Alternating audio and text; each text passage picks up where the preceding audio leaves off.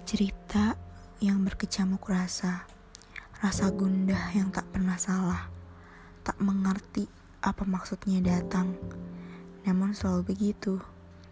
Kini, ku akan cerita tentang suatu hal. Pagi itu terlahir segenggam semangat, kemudian siang terlahir senyuman indah. Sore pun datang, dunia akan gelap. Hari ini indah namun seakan hari ini membawaku pada lupa.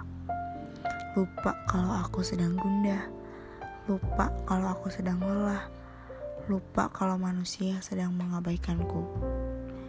Hidup mungkin tak seindah drama, tak seindah mawar, tak seharum melati. Namun kita adalah nahkoda, ke mana kita pergi, ke mana kita menepi, itu yang terjadi. Boleh lelah, tapi aku minta jangan menyerah.